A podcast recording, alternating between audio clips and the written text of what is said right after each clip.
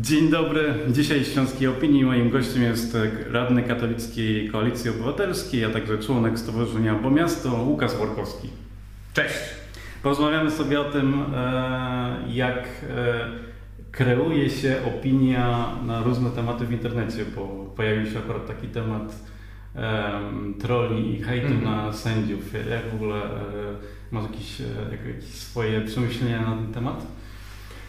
Pierwsza myśl to szok, bo wydaje się, że tego typu intryga, zorganizowany przez aparat państwa hejt, gdzie politycy posługując się, funkcjonariusze publiczni, wiceminister sprawiedliwości organizuje całą komórkę zorganizowaną do tego, żeby pozyskane nielegalnie informacje upubliczniać przez jakichś hejterów, no to jest intryga, która trąci jakimś House of Cards, thrillerem politycznym. No, wydawałoby się, że coś takiego no, ciężko na to wpaść komuś innemu niż scenarzyście filmowemu, a jednak życie pokazuje, że E, do czegoś takiego dochodzi i to jest, to jest skandal, bo e, machina państwa, urzędnicy, politycy no nie mogą e, informacji, które pozyskują drogą służbową, upubliczniać gdzieś niejawnie po to, żeby kogoś szkalować. To jest absolutne nagięcie standardów, coś, co nie powinno mieć miejsca, złamanie E, iluś artykułów e, kodeksu karnego i to jeszcze przez wiceministra sprawiedliwości, a pojawia się pytanie, e, kto jeszcze o tym wiedział, czy sam minister, czy jeszcze wyżej ta cała ośmiornica i siatka nie miała swoich mocodawców. Obrzydliwe. Mhm, to wszystko w czasach, kiedy dość wyraźnie mówisz o, o tym, że mm, właśnie takie farmy troli mają wpływ na rzeczywistość, bo i o tym mówi się przy okazji amerykańskich wyborów, które już minęły, przy mhm. okazji zamieszania o Brexicie. E, zauważyłeś, że w ogóle to mnie zawsze ciekawi, że e, nie mówi się o atakach e, troli rosyjskich w Polsce. Że mówi się, że rosyjskie trolle atakują w wszystkich krajach, ale nagle tak Polska okazuje się takim, takim, taką zieloną wyspą. Wydaje się ciekawy ten wątek gdzieś w tym całego rozważania? Pytanie, czy rzeczywiście, e, czy rzeczywiście tak jest, bo te wątki ingerencji, e, interwencji przy okazji e, poprzednich wyborów no, też gdzieś się pojawiają, znaki zapytania. Czy, czy te intrygi nie były pisane obcym alfabetem. Mhm. No to jest, jest ciekawy wątek. To, że Rosjanie ingerują w demokracje zachodnie, próbują je no, własną bronią, wolnością słowa od środka rozsadzić, jest niepokojące. E, dobrze, żeby e, zarówno instytucje europejskie, jak i przede wszystkim e, media społecznościowe, centrale tych wielkich gigantów współpracowały w tym zakresie, bo szerzenie dezinformacji, fake newsów, no to jest prawdziwa plaga. Mhm. Żyjemy teraz bardzo często jakimiś informacjami, które nieprawdziwe, ludzie się na to dają nabrać, trudno im się dziwić. No, te mechanizmy, to jak jaki jest obieg informacji w mediach społecznościowych, tak jest skonstruowany, że, że ludzie po prostu się na to łapią, a źli ludzie, e, sprytni, hakerzy e, czy, czy trole, e, ci mocodawcy o, o, złych intencjach wykorzystują to. No właśnie pracowałeś w kilku kampaniach wyborczych, pracujesz w obecnej kampanii wyborczej Koalicji mhm. Obywatelskiej. E, jak w ogóle ten mechanizm z Twojej perspektywy działa na nie wiem, kandydatów, wyborców? Przede wszystkim e, widać, że obieg informacji, to jak, e, jak odbieramy e, jakieś newsy, no za sprawą mediów społecznościowych zmienił się diametralnie. No to jest oczywiście truizm, że internet zmienił ten sposób komunikowania, ale rzeczywiście odczuwamy to.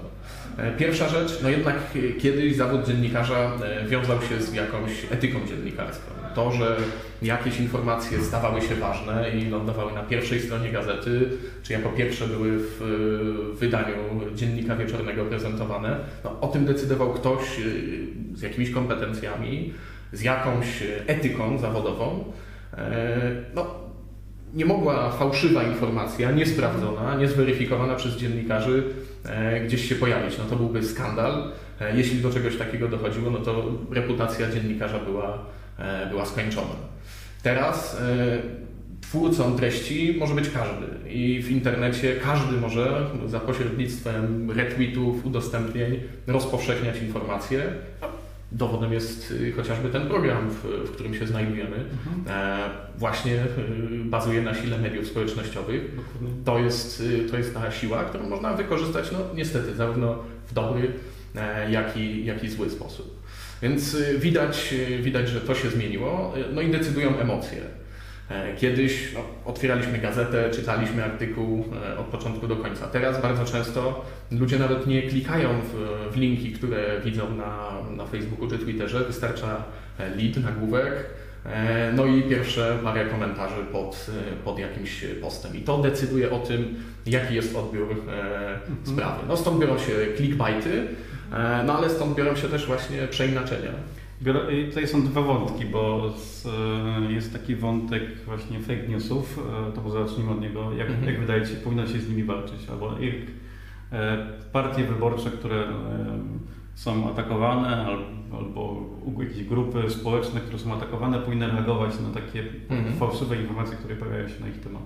No, przede wszystkim jakaś edukacja i świadomość. E, To my sami, e, ja też nieraz dałem się Czy na ile ta odpowiedzialność obrony leży po Mhm. stronie atakowanego, a na ile po stronie, po stronie odbiorcy, który, którego właśnie trzeba wyedukować, żeby zrozumiał, że powinien informacje Mhm. sprawdzić. Nie? No właśnie, e, musimy nauczyć się e, poruszać po tym, po tym oceanie e, informacji. Zalewają nas e, z każdej strony.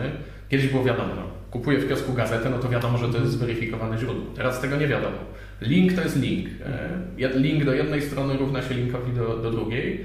I w zasadzie, no co, no jest to jakieś źródło. No sami musimy nauczyć się e, w tym bałaganie, chaosie informacyjnym odróżniać, która informacja, które źródło jest wiarygodne, które nie.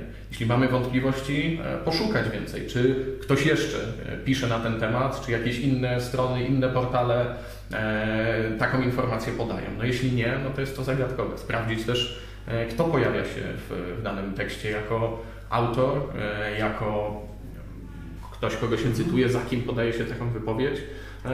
Sami musimy nauczyć się weryfikować i każdą informację dwa razy e, obejrzeć i sprawdzić. A drugi wątek to jest taki, kiedy jesteś, jest, jesteśmy bezpośrednio atakowani przez e, e, komentarze w dużych ilościach.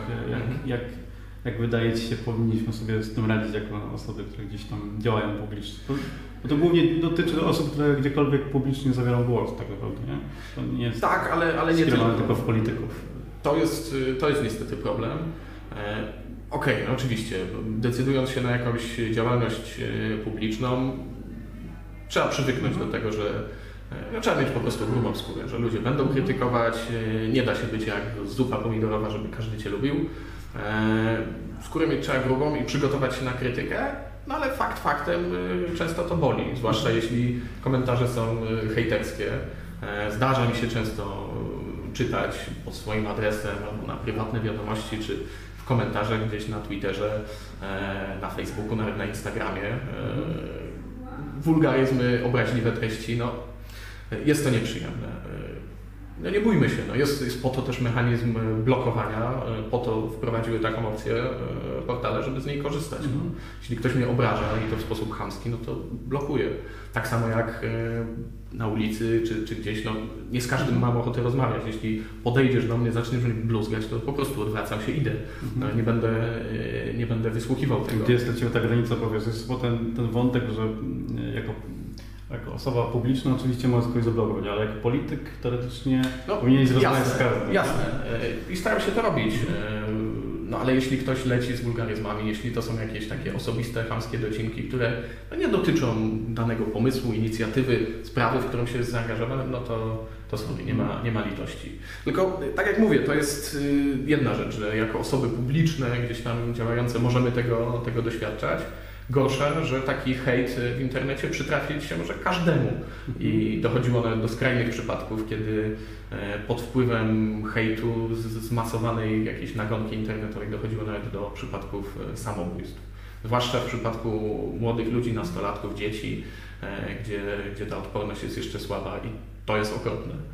A widzisz jakieś, e, pojawiają się takie pomysły, żeby m, na przykład m, głównie wokół Facebooka, bo Facebook takie mechanizmy już wprowadza tylko przy e, e, stronach politycznych albo stronach, które wykupują reklamy o dużym zasięgu, żeby przed momentem wyemitowania tej reklamy musisz zeskanować jakiś dokument Mhm. potwierdzający Twoją osobowość. Myślisz, że mm, czy dożyjemy, to już myślę, że na pewno. Pytanie, czy e, uważasz, że to jest e, właśnie w tą stronę powinno iść, że powinniśmy weryfikować Mhm. osobowości e, ludzi, którzy powiadają się i działają w internecie przez właśnie skanowanie dokumentów, ewentualnie jakieś inne potwierdzenie osobowości. No To jest właśnie y, dylemat, gdzie postawić tą granicę e, między anonimowością a kontrolą, między wolnością nieskrępowaną wypowiedzi a, a jakąś tam formą y, cenzury. No pytanie, kiedyś, jeszcze kilkanaście lat temu, wydawało nam się, że internet musi być całkowicie wolny, bez jakiejkolwiek kontroli, że ta anonimowość jest właśnie, właśnie siłą. I pewnie by tak było, no gdyby nie okazało się, gdyby życie nie zweryfikowało, że to stwarza też duże pole do e, złych zjawisk krzywdzących, kiedy anonimowo można kogoś zhejtować, oczernić, e, gdzie anonimowo też jakieś siły obce mogą wpływać na e, istotę naszej e, europejskiej demokracji. Więc to pokazuje, że jednak e, taka nieskrępowana niczym e, swoboda niesie za sobą też e, czarne strony. E, W przypadku, kiedy w mediach społecznościowych w grę wchodzą też pieniądze, bo e, sponsorowane posty, na które ktoś wykłada, e, wykłada duże kwoty, e, po to, żeby wpływać na opinię publiczną, musimy wiedzieć. Musimy wiedzieć, kto za tym stoi, kto finansuje takie reklamy, kto sponsoruje te posty. Wydaje mi się, że wszystkie sponsorowane posty w internecie, w mediach społecznościowych, to powinny, Mhm. Powinny mieć ten To mechanizm. się na szczęście już tak dzieje. Tak, tak, tak To, to... że reklama polityczna, ale nie tylko, bo wpływanie na, na naszą opinię jako konsumenta e, też, też jest bardzo istotne. Też jesteśmy często manipulowani i musimy wiedzieć, e, kto i, i po co e, chce to robić.